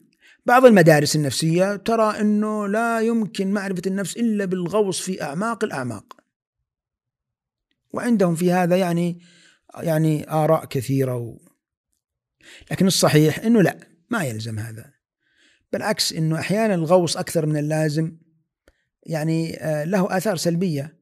والمتقدمون مدركون لهذا وكتبوا يعني كتابات لطيفة منها مثل مصطلح الباطوس. أظن تكلمنا عنه أظن في حلقة سابقة أو نسيت والله. الباطوس هذا اللي هو يعني أشبه بالبياره يعني بيارة أو المجاري التي مجمع مجمع آه، أكرمكم الله نفايات دورات المياه الحمامات يسمونها الباطوس. آه، ولها أسماء يعني عندنا بالعامية يعني معروفه أيضا. إيوه إنه يعني أحيانا أنت ما في داعي تنبش أكثر كثير يمكن تصل إلى الباطوس ووصولك إلى الباطوس هذا أو للنفايات الكثيرة ما منه مصلحة هذه نقطة مهمة جوهرية في التعامل مع النفس إنه أنت هدفك إصلاح النفس وليس التحقيق وفتح الملفات القديمة وإلى آخره. وما تقوله بعض النظريات بأنه لابد من فتح جميع الملفات ولا بد من معرفة كل شيء إنه هذا غير صحيح. هذا غير صحيح. أيضا في باب باب معرفة النفس وموضوع طويل باب معرفة النفس. مصطلح أمراض النفوس. تكون منتبه للأمراض النفوس. طبعا لما أقول أمراض النفوس عند المتقدمين اذا قالوا أمراض النفوس. لا يقصدون بها ما, ما نتداوله نحن هنا في هذا الزمن وهو الامراض العضوية أمراض النفسية أمراض اللي هي التشخيصات النفسية. وإن كانت هذه جزء من من أمراض النفوس وفيها كتابات كثيرة طبعا قديمة وحديثة لكن غالبا إذا قيل أمراض النفوس في الغالب أنها أوسع من ذلك لأن أصلا مفهوم النفس ومفهوم أمراضها وعللها أوسع من ذلك. فالكذب مثلا من أمراض النفوس الغل من أمراض النفوس عدم الصدق مع النفس من أمراض النفوس الحقد الحسد من أمراض النفوس الجبن الكسل من أمراض النفوس. فمفهوم أمراض النفوس في المنظور الإسلامي أوسع. وأنا أظن إن هذا مفيد يعني مفيد. صح إنه يمكن الأطباء قد لا يهتمون بهذا لأن الأطباء في النهاية يريد نصرف دواء. لكن لا يجوز أن نراعي مصلحة الأطباء آه، مقابل إهدار مصلحة يعني النفس النفس بكاملها. فلا بد من توسيع مفهوم لا بد من تو من توسيع مفهوم آه، مفهوم أمراض النفوس. وأمراض النفوس في هذا الباب بالذات الكذب الكذب مع النفس. هل يكذب الإنسان على نفسه؟ ويخادع نفسه. ويخادع نفسه نعم. يكذب على نفسه ويخادعها الكذب على النفس ومخادعة النفس والقرآن نص على هذا بالنص ها؟ وما يخدعون إلا أنفسهم. فالخداع على النفس أنه يظهر خلاف ما يبطن أنه يقول هذا هو السبب. وهذا كثير في الناس. أنه يفسر أفعاله وتصرفاته وانفعالاته تفسيرا هو يعرف أنه, أنه غير صحيح يفسر اعتذاراته يفسر آه، قبوله للدعوة أو عدم قبوله للدعوة يفسر آه، عصبيته أو أو عدم عصبيته يفسر يفسره إما لنفسه وهو أشد أنواع الكذب أو يفسره للآخرين وهو يعرف من داخلة نفسه أنه يكذب يعني لا لماذا؟ لماذا تكذب على النفس؟ ومع الوقت إذا أنت ربيت نفسك على الكذب والمخادعات ستصبح أقوى منك وتصبح تكذب عليك وتخدعك وأنت ما تنتبه. وهنا عاد وصلت أنت إلى إلى مستوى تصير أنت أصلا غير قادر على على حتى على علاج نفسك. يعني في باب في باب الخوف سواء في باب الانفعالات أو في باب العلاقات أو في باب الصفات النفسية. من أمراض النفوس في هذا الباب باب باب معرفة النفس والبصيرة بها الانكار رفض الاعتراف. هذا نلاحظه في العيادة كثير يعني. إنه يظهر لك مثلا من من شوف المرضى في العيادة شيء عجيب. المرضى في العيادة يجيك واحد ها ويشرح لك الحالة وتتناقش أنت وياه ثم تصلون في النهاية إلى نتيجة معينة إنه والله الأسباب هكذا أو الدواعي هكذا أو الدوافع هكذا أو. ثم يقر ويقول والله صحيح هذا تفسير صحيح. في ناس في مرضى أو قد لا يكون مرضى في الاستشارات العادية أو شيء آه إنه هم ليسوا مرضى بالتصنيف الطبي يعني لكن قد يكونون مرضى بالتصنيف المفهوم المفهوم الأوسع لأمراض النفوس. يقول لا مو غير صحيح ما هو بكذا لا أنا ما بقصدي كذا أنا فأنا أقول لهم دائما أنا لست قاضيا يعني لسنا في محكمة نحن هنا. وليس هدفي أن أبين أنك مخطئ أو أنك مصيب لا أنا هدفي أن تعرف نفسك أكثر. فإذا أنت الآن لست مستعدا لسماع يعني ما وصلنا إليه من نتيجة نعيد النظر فيها مرة أخرى لا إشكال. قد نعيد النظر فيها ويستمر الإنسان في في, في رفض رفض الاعتراف بهذا التفسير لأنه مؤلم بالنسبة لهم. ولأنه ربما يهدم أشياء كثيرة بناها على على على على السنوات الماضية. الغفلة مثلا الغفلة من أمراض النفوس في هذا الباب أيضا. تكلمنا تكلمنا نحن عن عن عن عن الغفلة. الأخيرة في هذا الباب باب معرفة النفس وأظنها داخلة مع الغفلة والإنكار والاعتراف اللي هو قبول النصيحة. سواء كانت النصيحة أو الاستشارة أو المشورة إنه أحيانا الإنسان يرفض قبول آه، توجيه معين أو برنامج علاجي معين أو برنامج إصلاح نفس معين. كأن يعني وهو داخل من ضمن مفاهيم عدم عدم آه، من من ضمن مفاهيم رفض النصيحة و إما أنه لا يرضى أصلا بسماع النصيحة ابتداء أو يشعر بالانتقاص ولهذا سمع النصيحة أو المشورة فيما يتعلق بنفسه تحديدا أو تتغير مودته للناصح أو لا يغير ما نصح به يسمع يسمع لكن لا يغير يستمر على على على ما هو عليه لا لا هو التقبل الحقيقي للنصح إنك تسمع وتغير وتجتهد في التغيير وتكون صادقا صادقا آه، يعني مع نفسك في ذلك. يعني هذا باختصار يمكن أبرز أبرز القضايا التي يمكن أن يعني آه، تقال في هذه الحلقة حول حول الركن الأول وهو معرفة النفس والصدق معها والعلم بها. جميل. إذا ننتقل من بصيرة الإنسان بنفسه إلى معرفة الإنسان للصواب والخطأ. فهنا وش اللي ممكن نقول عنه في معرفة النفس؟ إيه الأول هو أن تعرف نفسك، الثاني أن تعرف أصلا وش الصواب والخطأ، وش الصفات التي يجب عليك اكتسابها. وهنا يأتي يعني وهنا نفهم لماذا القرآن والسنة والسنة بالذات. والقرآن أيضا يركز كثيرا على العلم العلم العلم العلم. العلم المقصود بالقرآن وفي السنة هو هذا هو هو هو أن تعرف الصواب والخطأ. وفيما يتعلق بعلم النفس هو أن تعرف ما هي الصفات النفسية التي يجب التي يجب عليك أن أن أن أن تكتسبها وما هي الصفات النفسية التي يجب عليك أن تتخلص منها. فلا بد أن تعرف لابد أن تقرأ لابد أن تتعلم. والناس عادة يقولون أعطونا أشياء عملية لا نريد أشياء نظرية وهذا خطأ. لابد أن تعلم العلم أولا. باب العلم قبل القول والعمل. فالعلم مهم جدا. فاعلم أنه لا إله إلا الله واستغفر لذنبك. فلا بد أن تعلم لابد أن تعلم أولا. طبعا العلم هنا ليس هو هو هو هو نقاش الأفكار. أو تصحيح التفكير السلبي اللي عند المدرسة المعرفية. لا لا العلم هنا هو هو هو المعرفة. هو أن تعرف ما هو الصواب والخطأ وأن تعرف ما, ما هي ما هي الصفات النفسية المطلوب منك. طيب ماذا تعرف؟ أيوه تتعلم مثل ما ذكرنا قبل قليل. تتعلم أشياء لابد أن تتعلم. تعلم ما تحتاجه من باب الإيمان والعبادة. تعلم ما تحتاجه من باب الصفات النفسية. تقرأ فيها. وخير ما استثمرت فيه الأوقات هو أن أن تقرأ في هذه الجوانب في هذه الأبواب. أن تعرف العلاقات. الصفات النفسية المطلوبة في العلاقات وما الذي يجب عليك في العلاقات مع الآخرين والآخرين. أن أن تقرأ عن مفاهيم السعادة والنجاح مرتبطة بالحياة. أن تقرأ عن الأزمات وكيفية التعامل معها.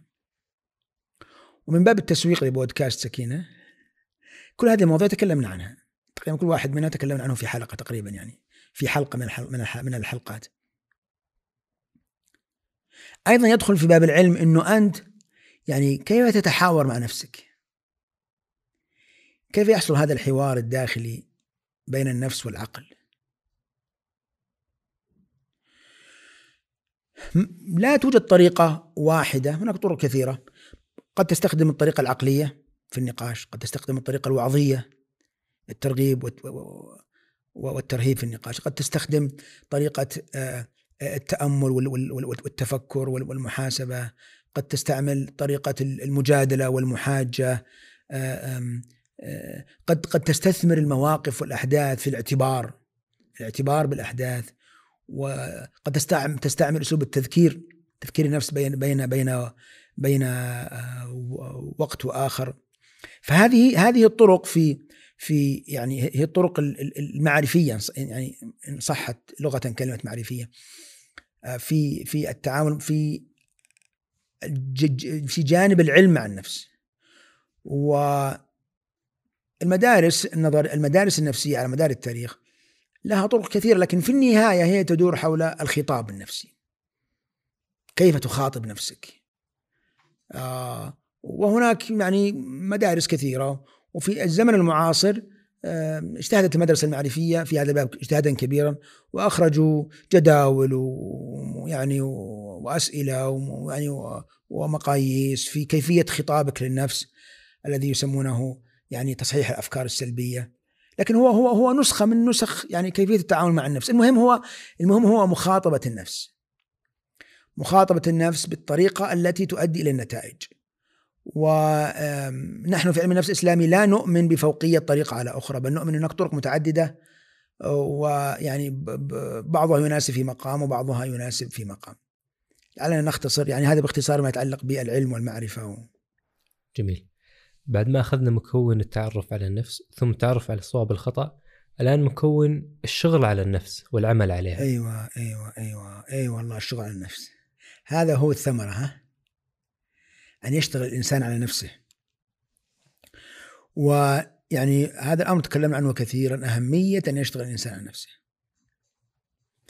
و بس قبل أن أتكلم يعني في في الشغل على النفس الناس أحيانا يقولون نريد خطوات عملية. دائما يأتي السؤال هذا نريد خطوات عملية.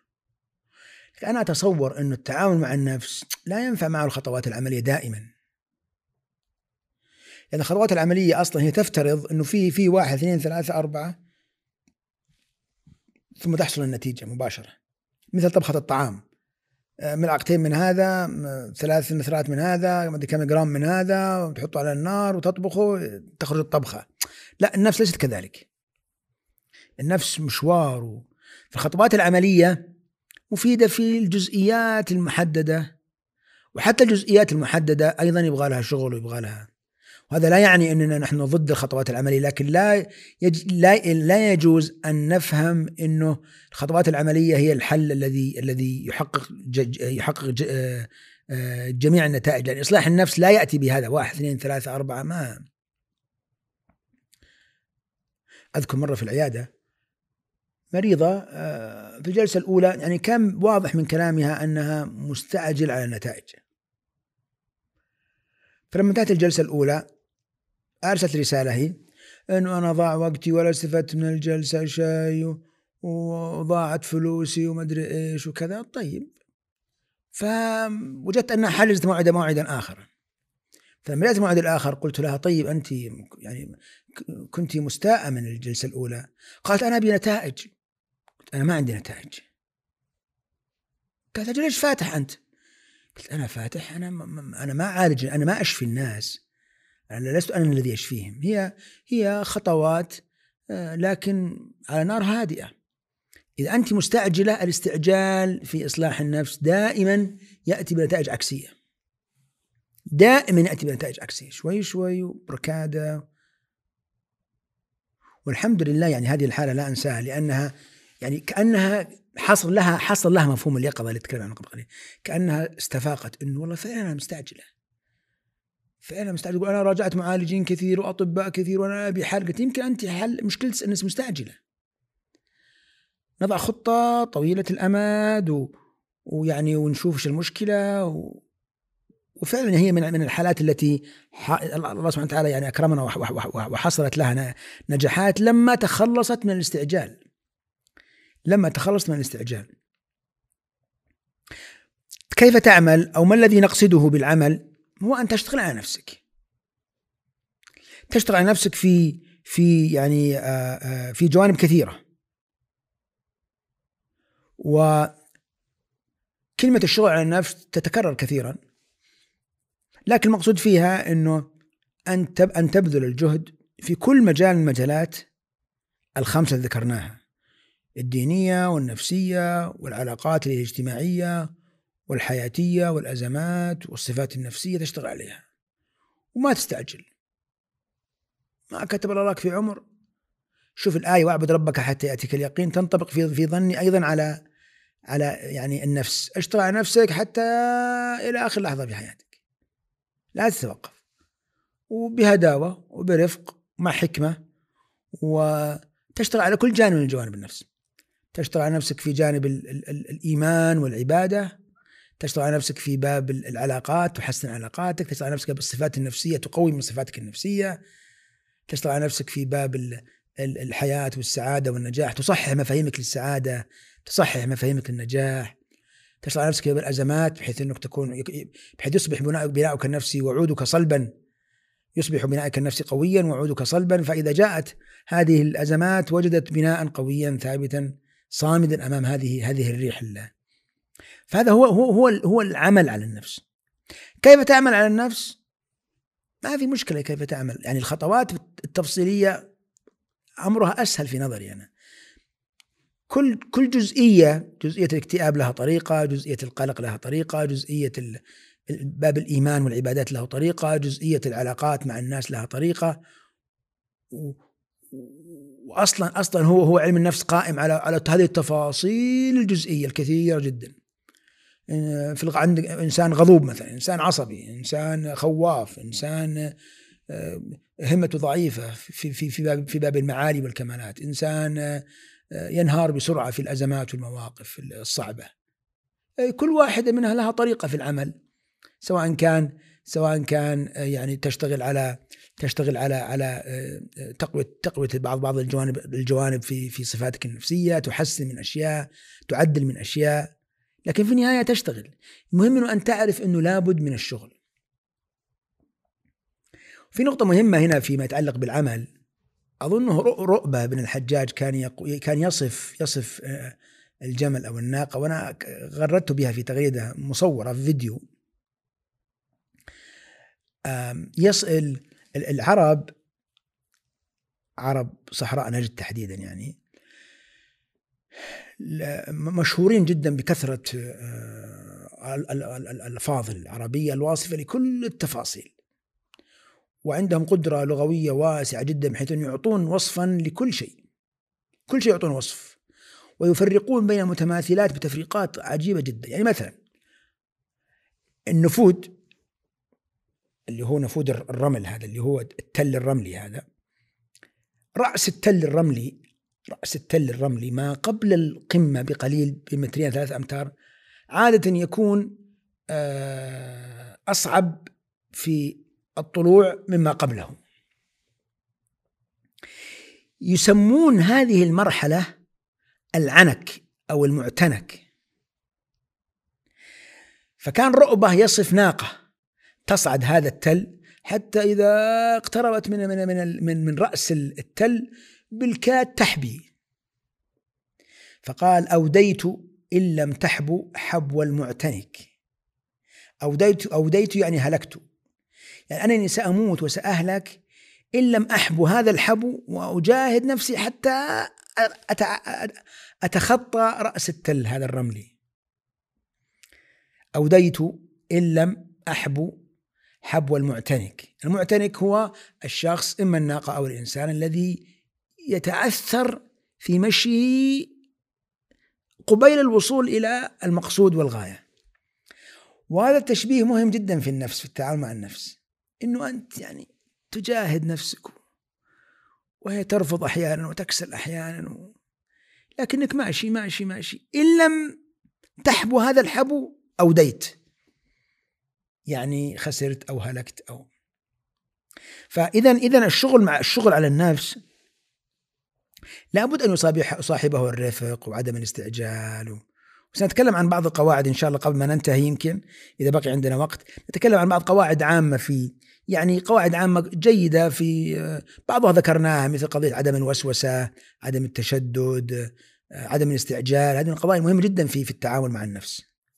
نعم. ومن التشبيهات اللي ذكرتها دكتور ما يتعلق بتربية الأبناء وأن العمل على النفس مثل مثل تربية الأبناء ويمكن حتى بعض السلف كانوا يتكلمون عن ترويض السباع وترويض يعني الحيوانات في المنزل يعني مثلها مثل الشغل مع النفس. صحيح صحيح صحيح. طيب الآن ننتقل إلى مكون آخر هو محاسبة النفس. هذا كيف ممكن نتحققه؟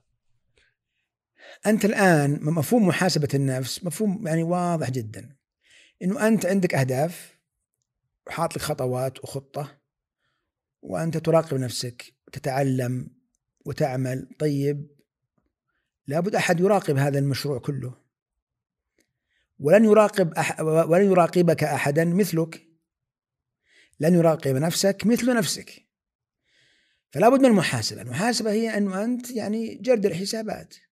كأنه متابعة. عندك خطة وضعت خطة تتابع. أنت نفذت الخطة أو, أو, أو, أو لم تنفذ الخطة. والمحاسبة يعني مفهوم إسلامي أصيل. الرسول صلى الله عليه وسلم يقول الكيس الكيس الكيس يعني الذكي الفطن أيوه يعني هي يعني إيه يعني لا هي ليست في باب الذكاء هي في باب الحكمة وباب العقل فالكيس من دان نفسه بمناسبة الذكاء. ترى يعني ترى تعظيم الذكاء باعتباره اهم الميزات العقلية غير صحيح. الحكمة مثلا الروية. ولذلك مثلا أرسطو لما لما قسم الصفات أفلاطون قبله ثم جاء أرسطو قسم الصفات إلى أربعة. الأولى جعلها الحكمة ويقصد بها الروية يعني. وليس الذكاء الذكاء الذي هو يعني القدرات العقلية الفائقة. عموما هذا استطراد يعني. فالنبي صلى الله عليه وسلم يقول الكيس من دان نفسه وعمل لما بعد الموت إلى آخره. فكلمة دان دان نفسه دان نفسه يعني حاسب نفسه. حاسب نفسه. و يا أيها الذين آمنوا اتقوا الله ولتنظر نفس ما قدمت لغد. ولتنظر نفس النظر هنا الآن. النفس اللوامة ولا أقسم بالنفس اللوامة. النفس اللوامة هي نفس المحاسبة. وهذا ترى من باب المدح وليس من باب الذم. نفس اللوامة هذا مدح قسم بالمدح. وعمر رضي الله عنه أرسل خطاب إلى إلى أمراء الأمصار. قال لهم حاسب نفسك في الرخاء قبل حساب الشدة. فالمحاسبة مفهوم أصيل أصلا وهو نقيض الغفلة. الغفلة والجهل كلها نقيضها المحاسبة معناها أنه أن تكون يقظا في أنه هذا المشروع مشروع إصلاح هذه النفس مشروع عمر بالنسبة لك.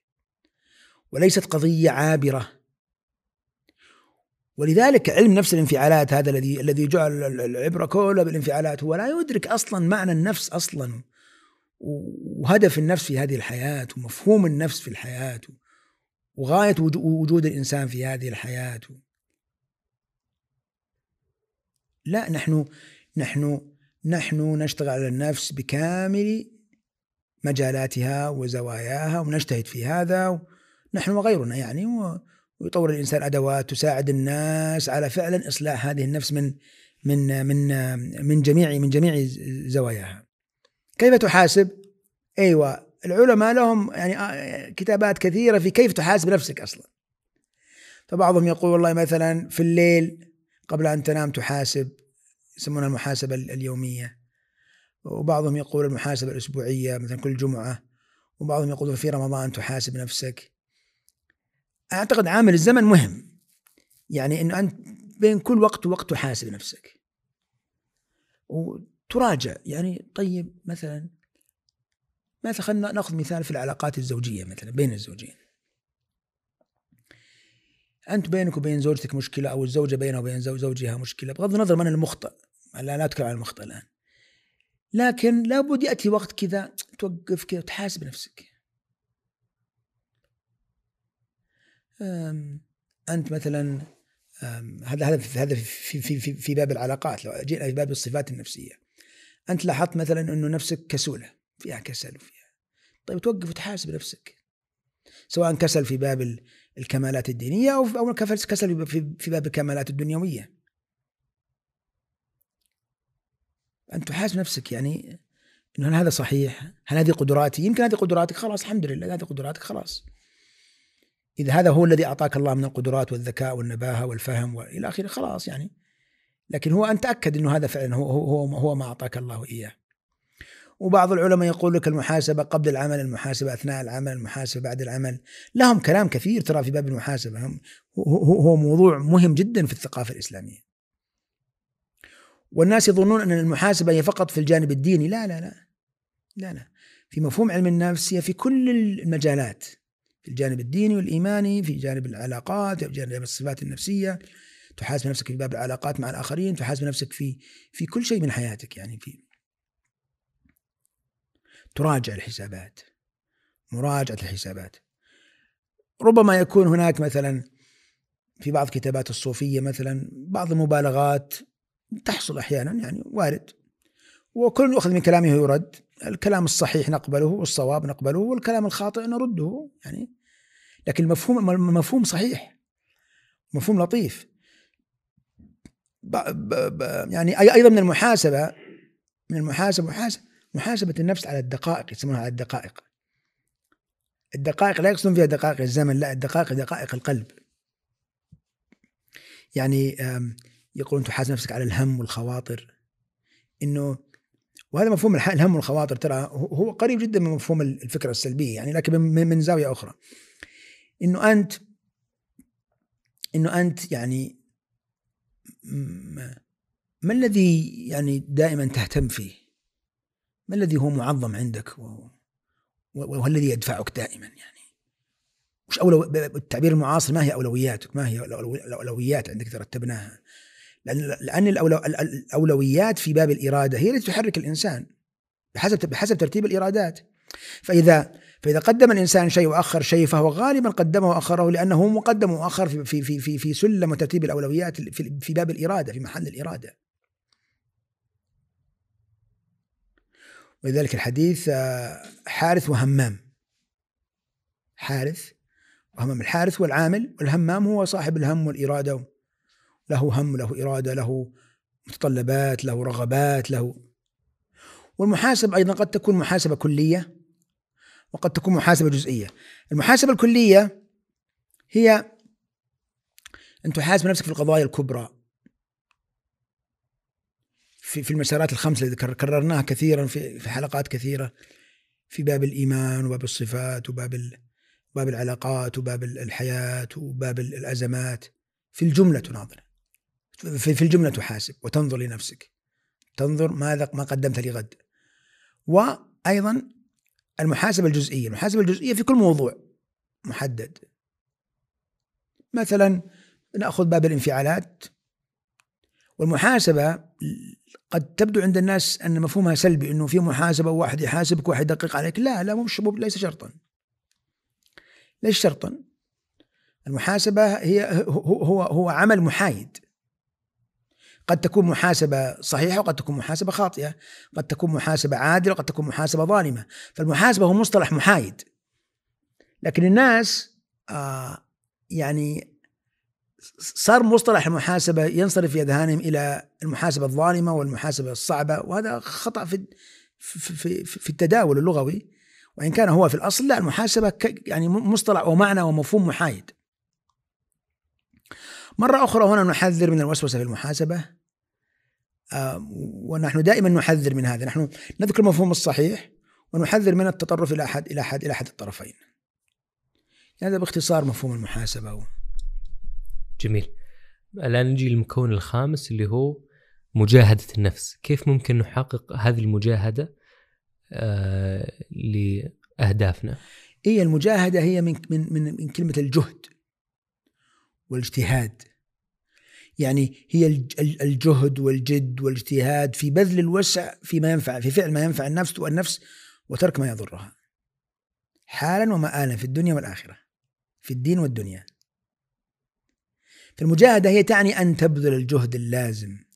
و يعني وردت أحاديث مهم جدا نتناقشها هي باب المجاهدة. قال ومن يستعفف يعفه الله ومن يستغني يغنيه الله. ومن يتصبر يصبره الله.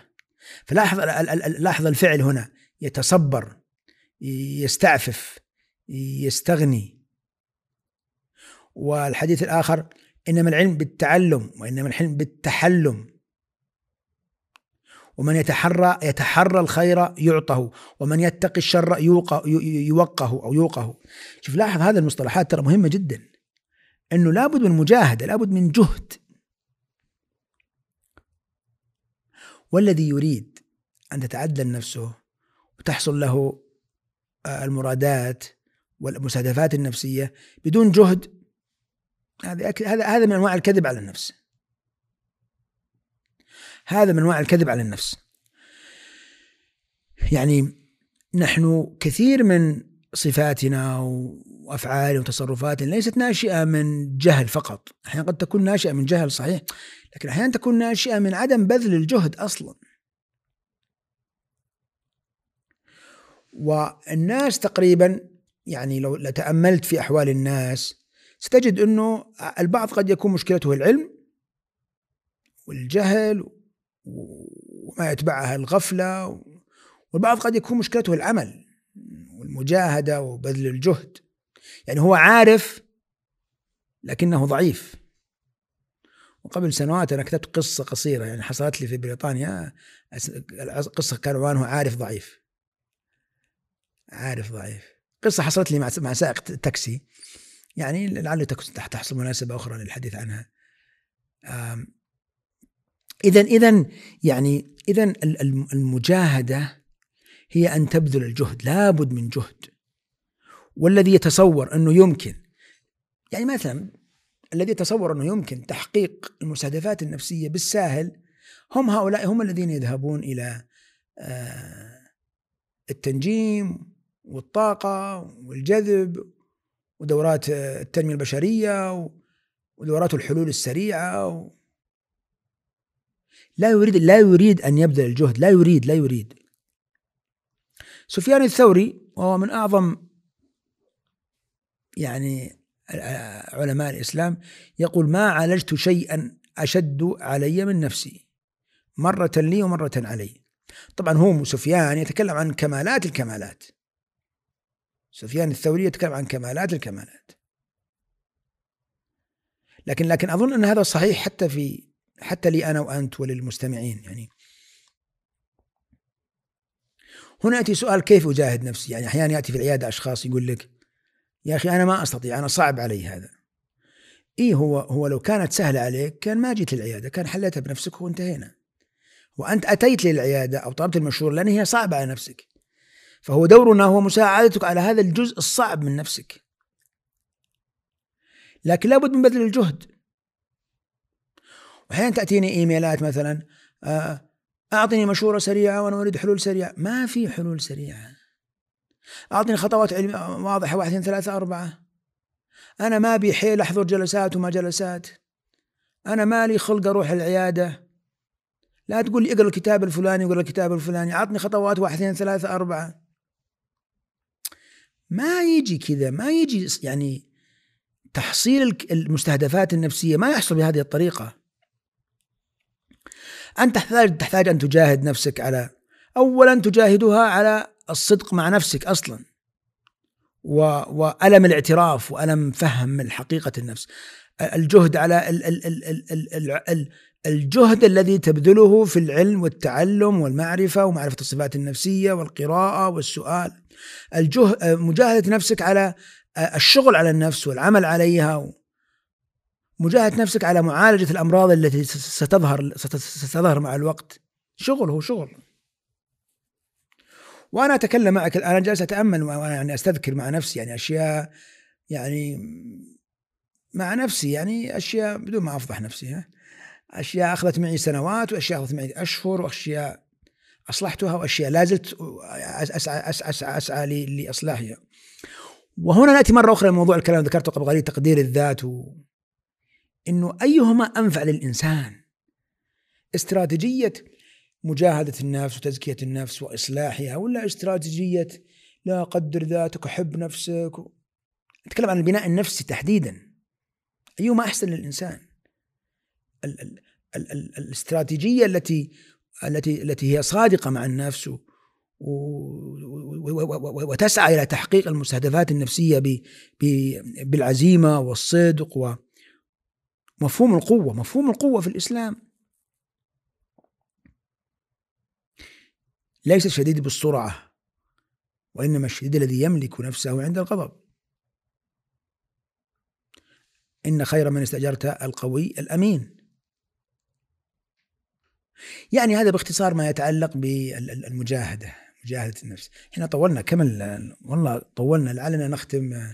إحنا وصلنا للسؤال الأخير اللي هو إذا في قواعد عامة في موضوع التعامل مع النفس ترشدنا لها في ختام يمكن اكثرها قلناهن يعني لكن يعني سريعا كذا بس أحاول أستحضر. نعم. مثلا الفرق بين الجبلي والكسبي أو المكتسب. هذا مهم جدا يفهمه الناس. إنه في أشياء أنت مجبول عليها وفي أشياء لا تحتاج تكتسبها.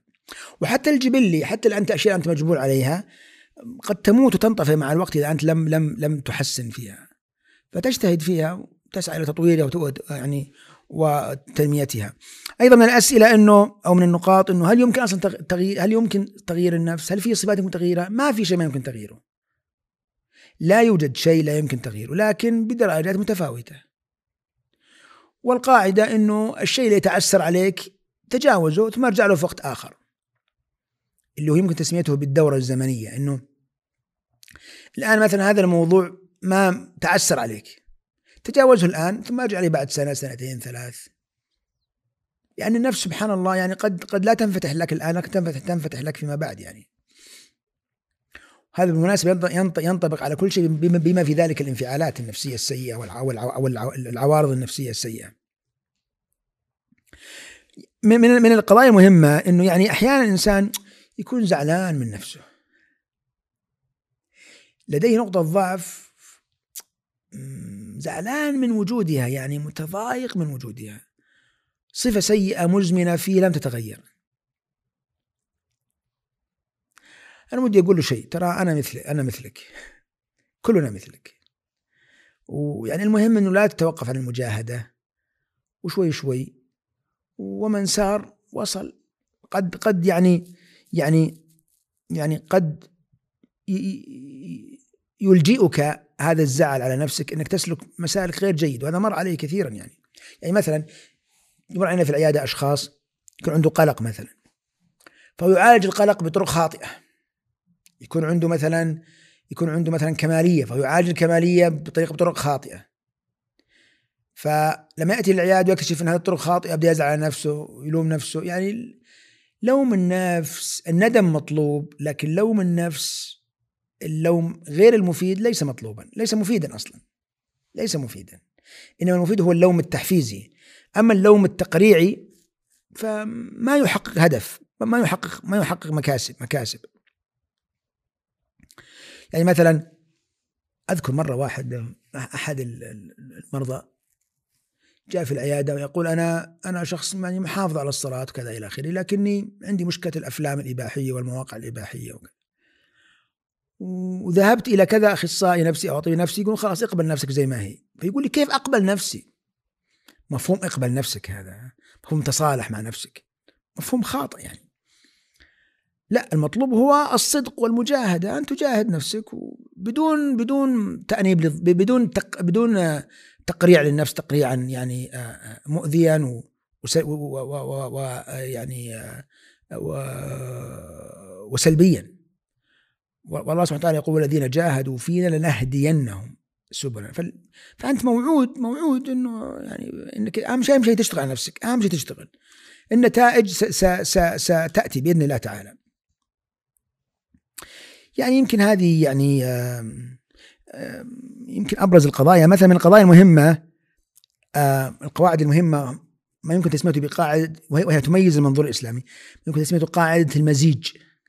في التعامل مع النفس. المزيج إنه الكلام اللي قلناه قبل شوي إنه أنت تتعامل مع نفسك مثل ما تربي أبنائك بالتشجيع والمديح من جهة والمطالبة من جهة ويعني المحاسبة من جهة والرفق من جهة وعدم التشدد من جهة. هذه هذا المزيج هو الذي يميز المنظور الإسلامي وهو أحسن وأفضل الطرق في التعامل مع النفس.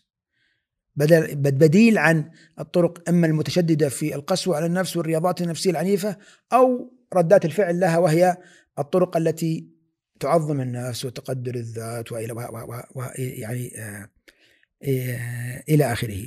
يمكن ال- الأخيرة هي قضية الأشخ... أو قبل الأخيرة الأشخاص الذين لا يريد أن يدخل آه، لا يريد أن يدخل في مواجهة نفسه لا يريد أن يدخل مواجهه نفسه في الداخل. أحد المرضى كان يقول لي ليش أفتح كل الأبواب؟ أنا ما أبي أصلح كل شيء. أنا بس عندي ها النقطة ذي صلحها لي وبس وخلاص. فهو يريد أن يتعامل مع نفسه ب- ب- بالطريقة المشهورة فلسفيا تسمى me- mechanics الطريقة الميكانيكية. إنه التعامل مع النفس باعتبارها كأنها سيارة خربان فيها الكفر مثلا تصلح الكفر بس ما عليك من الباقي ما لك شغل في الباقي يعني. هذا يذكرنا أحيانا ببعض ال- الشباب المبتلى بالشذوذ الجنسي فيأتي يقول لك أنا عط- أعطني تمارين سلوكية أتعالج من الشذوذ الجنسي وما عليك من باقي حياتي. لا علم النفس الإسلامي لا يؤمن بهذه الطريقة. ولا يشتغل أصلا بهذه الطريقة ولا يمكن أن يشتغل بهذه الطريقة أصلا يعني. أنا ودي أن أختم بكلمة أهمية التسديد والمقاربة. أن الإنسان يسدد ويقارب سددوا وقاربوا نقرأ سويا حديث النبي صلى الله عليه وسلم سددوا وقاربوا وأبشروا واستعينوا بالغدوة والروحه والروحه وشيء من الدلجة والقصد القصد تبلغوا واعلموا أن أحب العمل إلى الله أدومه وأن قل. اللهم صل وسلم على عبدك ورسولك محمد. هذه خير خاتمة ليس فقط للحلقة بل للموسم الأول يعطيك العافية يا دكتور والله يتقبل منا ومنكم ونراك إن شاء الله في موسم ثاني الله يرضى عليك وأنا سعدت جدا بالحوار معك في هذه الحلقات وبإذن الله يكون لنا لقاء آخر والسلام عليكم ورحمة الله تعالى وبركاته. وعليكم السلام ورحمة الله